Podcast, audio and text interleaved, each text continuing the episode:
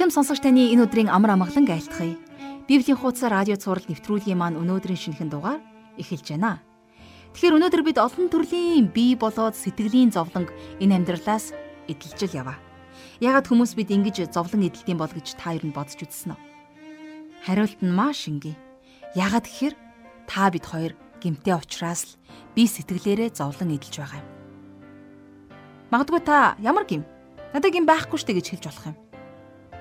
Та мянган удаа эсвэл түүнээс ч олон удаа би гимгвэ гэж хэлээд та гимгүү болчихгүй. Энэ хичээлийн ихэнд та ямар нэгэн гим хийсэн ч үж магадгүй. Удлаа ирсэн байж болох юм, урам ихэлсэн байж болно, юу ч байж болно. Та гимтэйгээ хүлээн зөвшөөрөөд мянга дахин өргөл барьц үргэж ядуус дооцод туслалаач гэсэн гимээс хариулж чадахгүй. Харин таны гим нүглийг ямар ч ул мөргүүгээр цайруулж чадах нэг л зүйл байгаа. Тэр бол Есүс Христийн сайн мэдээнд итгэх явдал юм аа. Өнөөдөр та Есүс гэхээр л гадуурхан шоолж доромжилдог орчинд амьдрч байж болох юм. Бас Есүс гэхээр л ядуу дорд болж үтэхгүй хүмүүсийн очдог газар гэж эндүрдэг хүмүүсийн дунд амьдрдаг байж болох юм. Хамгийн гол нь та бусдаас хамааралтай биш ээ. Харин та өөрөө сонголтоо хийдэг нийгэмд амьдарч байгаа гэдгээ санаарай. Үнийг чухалд тооцсон. Та сайн мэдээг ойлгох гэж хичээх юм бол мөнхийн улсын хаалгыг тогшоод орж байгаатай л адилхан юм. Библийг судлаад Есүс Христ бол аврагч гэдгийг хүлээн зөвшөөрөөд итгэх юм бол та бие сэтгэлийн бүх зовлонгоосоо чөлөөлөгдөж шин хүнийг шин биеийг өмсөх юм аа. Шин оюун ухааныг өмсөх юм аа. Ингээд өнөөдрийнхөө хичээлийг яг одоо хамтдаа эхлүүлцгээе. Бурханд энэ цагийг өргөж хамтдаа залбирцгаая. Бурхан Аава, таньда өнөөдрийн төлөө талархаж байна. Энэ цаг мөчид бидний зүрх сэтгэлийн хөрсийг зөөлөн болгож таны үгийг хүлээн авахд та бэлдэж өгөөч. Таны үгийн үр бидний зүрх сэтгэлийн хөрсөнд унж үндэслэн ургаад 60, 30, 100 дахин үр жимсээ ургуулахын төлөө бид залбирэн гуйж байна. Их эзэн минь, таныг улам илүүгээр таньж мэдхийг бид хүсэмжлэн залбирч байна. Та өөрийгөө бидэнд илчлэн харуулж аваа. Энэ цагийг эхнээс нь дуус хүртэл таны ариун сүнс бидний дотроос ажиллаа хийх болтугай бүх зүйлийг тань талархаж эзэн Есүсийн нэрээр залбирanгуйлаа. Амен. Ингээд хамтдаа жаргал агшийн хичээлд анхаарлаа хандуулцгаая. За Колосе номын судлалынхаа өнөөдрийн хичээлийг бид хамтдаа Колосе номынхоо 1-р бүлгийн төгсгөлийн хэсгийг үзэх болно. Хамтдаа одоо Колосе номоод илгээд 1-р бүлгийн 24-р ишлэлээс эхлэн уншийе. Одоо би та нарын төлөө зовхтой баяртай байна. Түүний бий болох чуулганы төлөө Христийн зовлонд юу дутаж байгааг нь би махбоддоо нөхтгөө. За энд Паул хэлэхдээ Христийн зовлон дотор дутаж байгааг нь нөхөж өөрийн махан биеэр зовдгоо гэж хэлсэн байна тийм ээ. Сонирхолтой байгааз. Христ та бидний төлөө зовлон эдэлж бүх шийтгэлийг үүрсэн гээгүй билүү гэж та магадгүй асууж болох юм. Энэ үнэ Энэ ишлэл энэ үнэнтэй огт харшилдаагүй. Паул өөрийнхөө бие махбоддоо зовж шаналж байгаа нь Христийн биеийн төлөө юм. Паул Христийн биеийн төлөө зовхдоо Христийн зовлонг гүйцээж байсан. За Колосо номын 2 дугаар бүлгийн 9 дугаар ишлэгийг харах юм бол энийг бид нэр нилээд гайгүй ойлгож авах боломжтой. Паул ингэж хэлж байгаа. Учир нь түүн дотор Бурхны төгс дүүрэн нь бүхлээрээ биетээр оршдгоо гэж. Тэгэхээр бүх зүйлс түүнийг тойрон оршиж байдаг. Есүс бүх зүйлсээс урьдаар оршин байсан.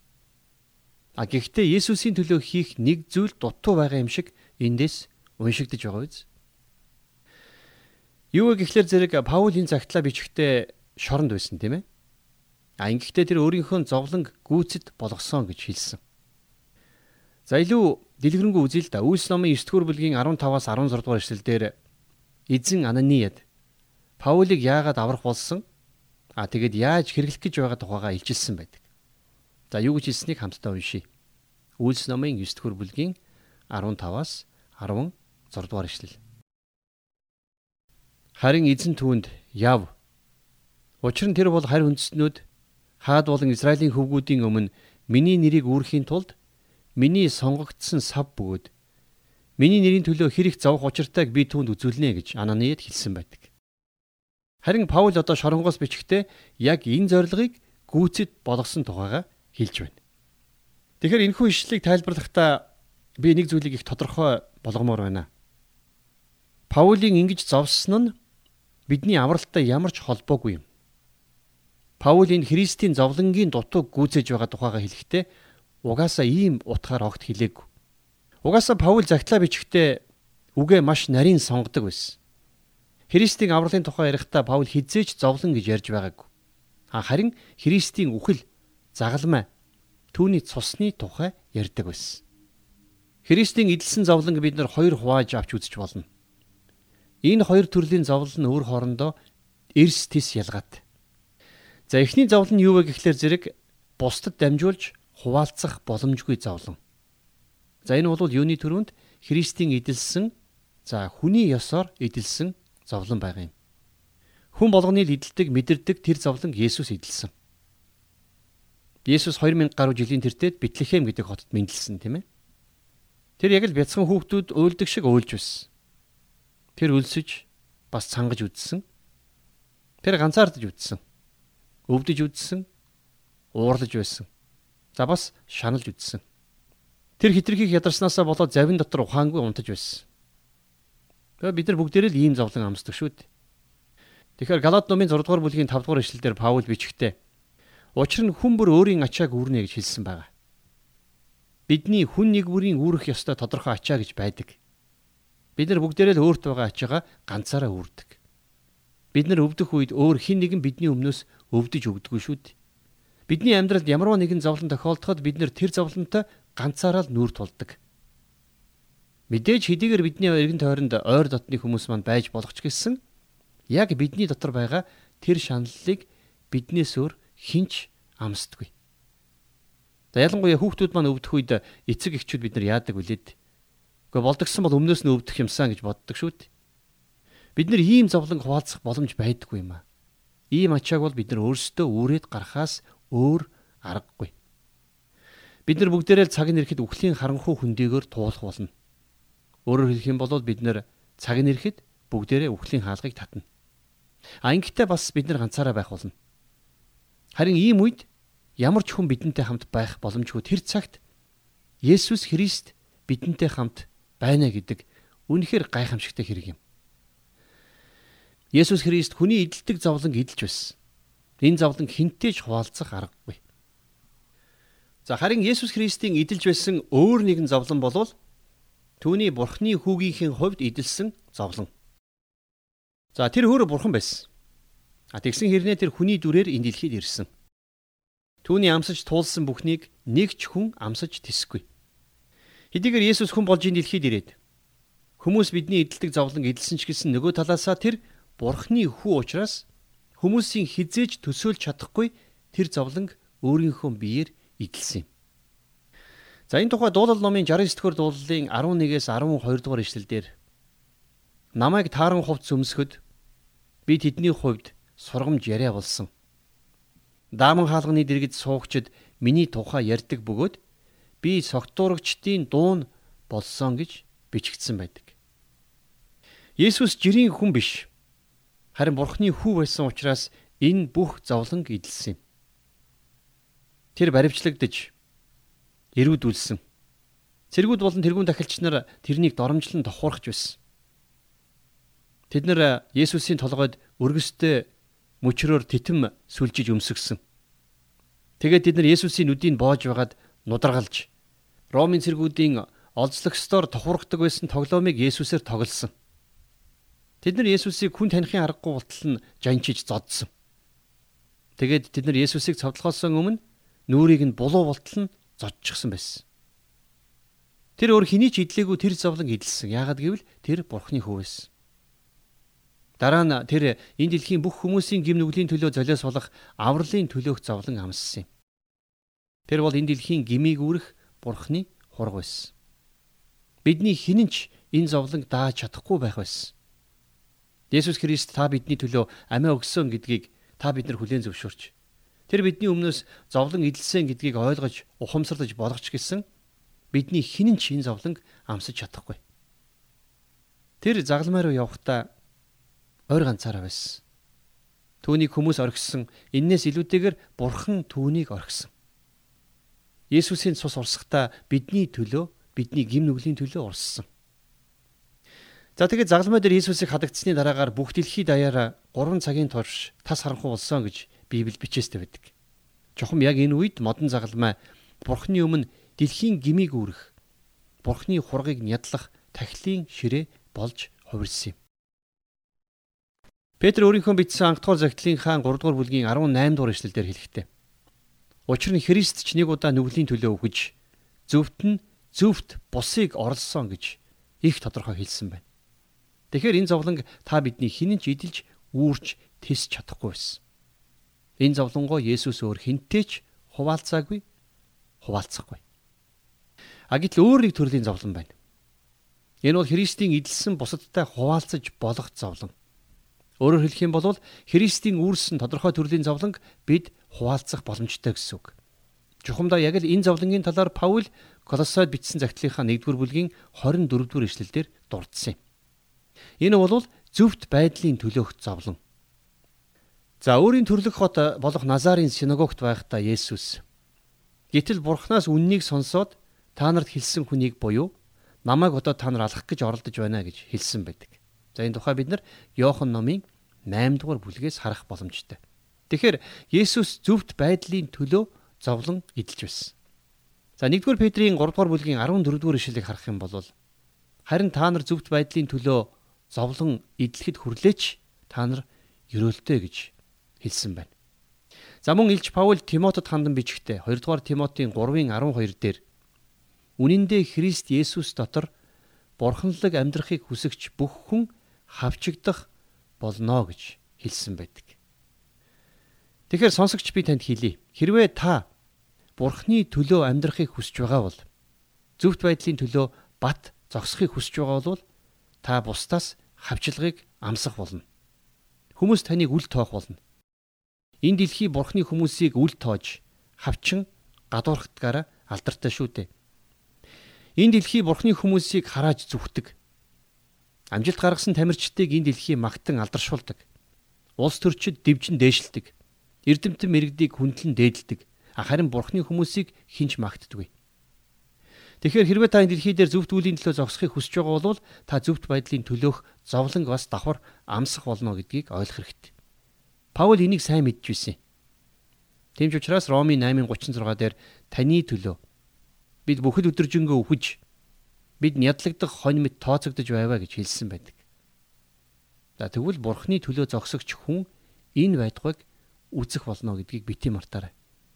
За нөгөө талаасаа бол бид нар сайн мэдээнд хэлсний дагуу Христтэй адилхан болгогдсон учраас энэ дэлхий дээр тодорхой төрлийн зовлонг эдлэнэ гэдг нь гарцаагүй. Иохны 1-р загтлын 4-ийн 17 дээр учир нь бид энэ ертөнцид түүн шиг байдгаа гэж хэлсэн байгаа. За Иохны сайн мэдээ номын 15 дугаар бүлгийн 18-аас 19 дугаар эшлэлдэр эзэн Есүс өөрөө их тодорхойгоор хэрвээ ертөнц та нарыг үзэн ядвал та нараас өмнө намайг үзэн ядсныг нь мэдэгтэн. Хэрв та нар ертөнцийнх байсан бол ертөнц өөрийнх нэгөө хайрлагсан.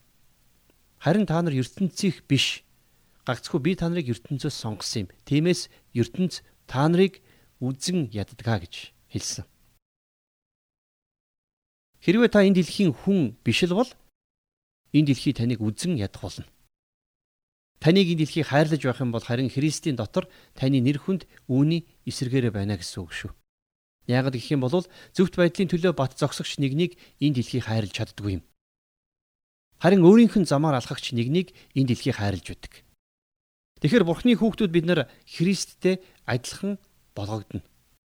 Тийм учраас бид нар энэ утгаараа зовлон идэх үед Христ биднэр дамжуулан перхүү зовлонг хуваалцаж байдаг. Дамаск явах замд нь Есүс Саулд үзэгдэж Сауля Сауля чи яагаад намайг хавчаад байгаа юм бэ гэж хэлсэн байдаг тийм ээ. За тэр үед Тарсын Саул шоконд орсон. Тэр Христэд итгэгчдийг хавчиж байна гэж бодож байсан. Гэтэл тэр үнэндээ Есүс Христийг өөрийг нь хавчиж байсан байна шүү дээ. Тэгэхээр бидний амьдрал тохиолддог зовлон бэрхшээлийн талаар Петр бичгтээ. За 1-р Петрийн 4-ийн 12-оос 13 дугаар ишлэлдэр Хайртай хүмүүс минь ээ. Та нарыг сорихын тулд дунд чинь ирдэг галд сорилтонд ямарваа нэгэн хачирхалтай юм та нарт тохиолдсон юм шиг битгий гайх. Харин та нар Христийн зовлонгуудыг хуваалцдагта баярл. Ингэснээр бас Христийн алдар илчлэгдэхэд та нар баяр хөөртэйгөр баярлах юмаа гэж. За эндээс харах юм бол нэг зүйл их тодорхой байна. Сайн мэдээнд урагшаа ахна гэх юм бол хин нэгэн зовлон идэх ёстой болно гэсэн үг. Хин нэгэн хүүхэд энэ дэлхийд мэдлэхийн тулд ямарваа нэгэн ээж зовлон идэлтэгтэй яг адилхан. Хин нэгэн хүн сүнсээр дахин төрхийн тулд өөр хин нэгэн хүн тодорхой хэмжээний зовлон бэрхшээлийг туулах ёстой болно гэсэн үг. За мэдээж зовлон гэдэг өөрөө хүсмээр зүйл биш. А гэхдээ бол энэ бидний итгэлийн амьдралд зайлшгүй байх ёстой зүйл юм. Бид нар бүгдээрээ л сэргэлт харахыг хүсдэг шүү дээ. Бид нар Христийн төлөө амьдарч Бурхныг гэрчилж амьдрах тухай ярьдаг. А гэхдээ шүү дээ. Өнөөдөр сайн мэдээг илүүгээр тараана гэж бодож байгаа бол хүмүүсийг Христээр ирүүлнэ гэж бодож байгаа бол төлөөсөө хэн нэгэн төлөх ёстой байгаа биз? Тэгвэл та Бурхны үгийн төлөө хэр их төлөөсийг төлж чадах вэ? Та сайн мэдээний төлөө зовлон идэлхэд бэлэн байна уу? 25 дугаар ишлэгийг уншъя. Бурхны үгийг та нарын төлөө гүйцэлдүүлэхийн тулд Бурханаас надад сойрхсон үүргийн дагуу би үйлчлэгч нь болсон юм аа. За Есүс Христийг ирэхээс өмнө хүмүүс гим нүглийнхээ төлөө Бурхны өмнө хураг авчраад ядалж өргөдөг байсан тийм ээ. За энэ нь бол хожим ирэх Бурхны хураг болох Христийг бэлэгдэж байсан юм. Тэгэхээр тэд нар хурганы цуснаас болж аврагдаагүй. А гэхдээ тэд нар хургийг авчрахдаа итгэлээрээ авчирдаг байсан. Энэхүү итгэлийнхээ улмаас тэд нар хожим нь тэдний төлөө өгөх Христээр дамжуулан авралыг авч байсан. За энэ бол хуучин гэрээний үеийн Израильчуудад Бурханаас сойрхсон үүрэг байсан. Харин та бидний хувьд бол ийм тахил өргөх шаардлагагүй болсон. Яагаад гэвэл Христ айл хэдийнэ ирсэн. Өнөөдөр та бидний хийх ёстой зүйл бол Есүст итгэх явдал юм. Энэ бол та бидний Христэд өргөх өргөл юм шүү дээ. Паул Колосой дахь харь хүмүүст хандаж бичгтээ. Бурхны үгийг та нарын төлөө гүйцэлдүүлэхийн тулд би үйлчлэгч болсон гэж хэлсэн байна, тийм ээ. Тэгэхээр зөвхөн еврейчүүд биш. Харь үндэстнүүд ч гэсэн бас Бурхны аврал дээр ирэх, за бас Христийн чуулганд нэгдэх учиртай байсан. За хуучин гэрийн ч гэсэн тухай өгүүлсэн байна. Тийм учраас Паул Бурхны энэ үгийг гүйцэлдүүлэхийн тулд харь үндэстнүүдэд Христийн сайн мэдээг тараахаар дуудагдсан байна. За 26 дугаар ишлэл. Тэрхүү нууц нь эрэм ба уюудээс нууцлагдж байсан боловч одоо ариун хүмүүст илчлэгдэжээ. За энд гарч байгаа нууц гэдэг үг нь хуучин гэрээн дээр илчлэгдээгүй байсан. Хэдий ч гэсэн одоо харин та биднэрт илэрхий болсон тэр зүйлийг хэлж байна. За энэ нууц нь харь үндэстнүүд авралыг авах болно гэсэн илчлэлт бишээ гэдгийг бид Эфес номон дээрээс үзэж байсан тийм ээ. Яагаад гэвэл хуучин гэрэн дээр харь үндэстнүүд авралыг авах болно гэдгийг айл хэдийнэ хэлчихсэн байсан. А тэгэхээр тэр нууц нь юу байсан бэ гэхлээр Бурхан Израильчуудыг харь үндэстнүүдтэй адилхан байр суурин дээр тавиад тэгээд тэднэрт харь үндэстнүүдтэй адилхан шалгуураар аврагдах нөхцөлийг тавьсан явдал. Харь үндэстэн еврей үндэстэн гэлтгүү бүгдээрээ хүмүүс бүгдээрээ гим нүгэлдээ төрсэн байсан. Харин бурхан бүх хүмүүсийг Израиль харь үндэстэн гэж ялгалгүйгээр нэгэн шин биеийн дотор нэгтгэж өгсөн. За энэ хүү биеийг бид нар экклесия буюу чуулган гэж нэрлэдэг тийм ээ. Энэ бол ямар нэгэн байшин барилга биш. Ямар нэгэн хаяг адрес биш. Энэ бол Христийн бие болсон итгэгчдийн бүлгэм. А энийг хуучин гэрээн дээр илчлээг байсан. Энэ бол хуучин гэрээний цаг үед нууц байсан байна тийм ээ. Харин одоо биднэрт энэ нууц нь илчлэгдсэн байна. Тэгэхээр энэ нууцыг ганцхан Паулч биш. Харин тэр үеийн ариун хүмүүс бүгдээрээ мэдэж байсан. Тийм учраас Паул энэ нууцыг одоо ариун хүмүүст илчлэгдсэн байна гэж өнгөрсөн цаг дээр хэлсэн байна. 27 дугаар ишлэлдэр Бурхан харийнхын дунд энэхүү нууцын алдрын баялаг гэж юу болохыг мэдүүлэхийг хүссэн юм аа. Энэ нь та нарт байгаа алдрын найдвар болох Христ юм аа гэж хэлсэн байна. За Паул энд хэлэхдээ та нарт байгаа алдрын найдвар болох Христ гэж хэлсэн тийм ээ. Та бид нар бүгдээ өнөөдөр Христийн дотор байгаа хүмүүс. бид нар Есүс Христэд итгэсэн тэр мөчөөс эхлээд бид нар Христийн дотор байгаа хүмүүс болж хувирдаг. Ариун сүнс бидний дотор орж ирэхэд бид нар Христийн бие болон хувирдаг. Бурхан бид нарыг Христийн чуулганы буюу Экклесиягийн нэг хэсэг болгодог. 28 дугаар ишлэл. Бид нэр хүн бүрийг Христэд төгс болгохын тулд бүх мэрэгэн ухаан дотор хүн болгонд сануулж, хүн болгонд заан түүнийг тунхаглаж байна. За бид нар сайн мэдээгээрээ Есүсийг тунхаглаж байдаг. Христ байхгүй бол сайн мэдээ байхгүй. Христгүй сайн мэдээ бол сайн мэдээ биш. Тэгэхээр Есүс Христ өөрөө тэр сайн мэдээ. Есүс Христ өөрөө тэр мөнхийн ам. Илч Иохны 1-р захидлын 1-р бүлгийн 1-ээс 2-р эшлэлдэр бичгтээ эхнээсээ байсан бөгөөд бидний сонсож нүдэрээ үзэж харж гараараа барьж үзсэн амийн үгийн тухай тэрхүү амин илэрхийлэгдсэн.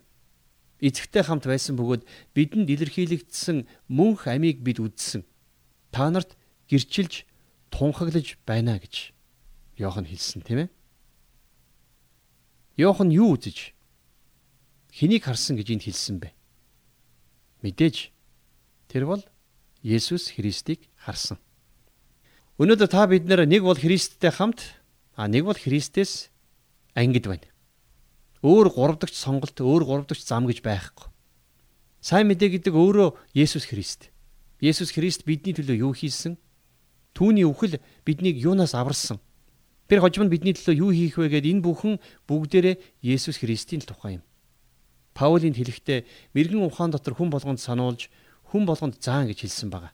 За энд үйлчлэгч биднэрт хандсан хоёр чухал тушаал байна гэж харж байна. За эхнийх нь болохоор зэрэг бид нэр сайн мэдээг тарааж гим нүгэлтэй хүмүүсийг Христ дээр авчрах.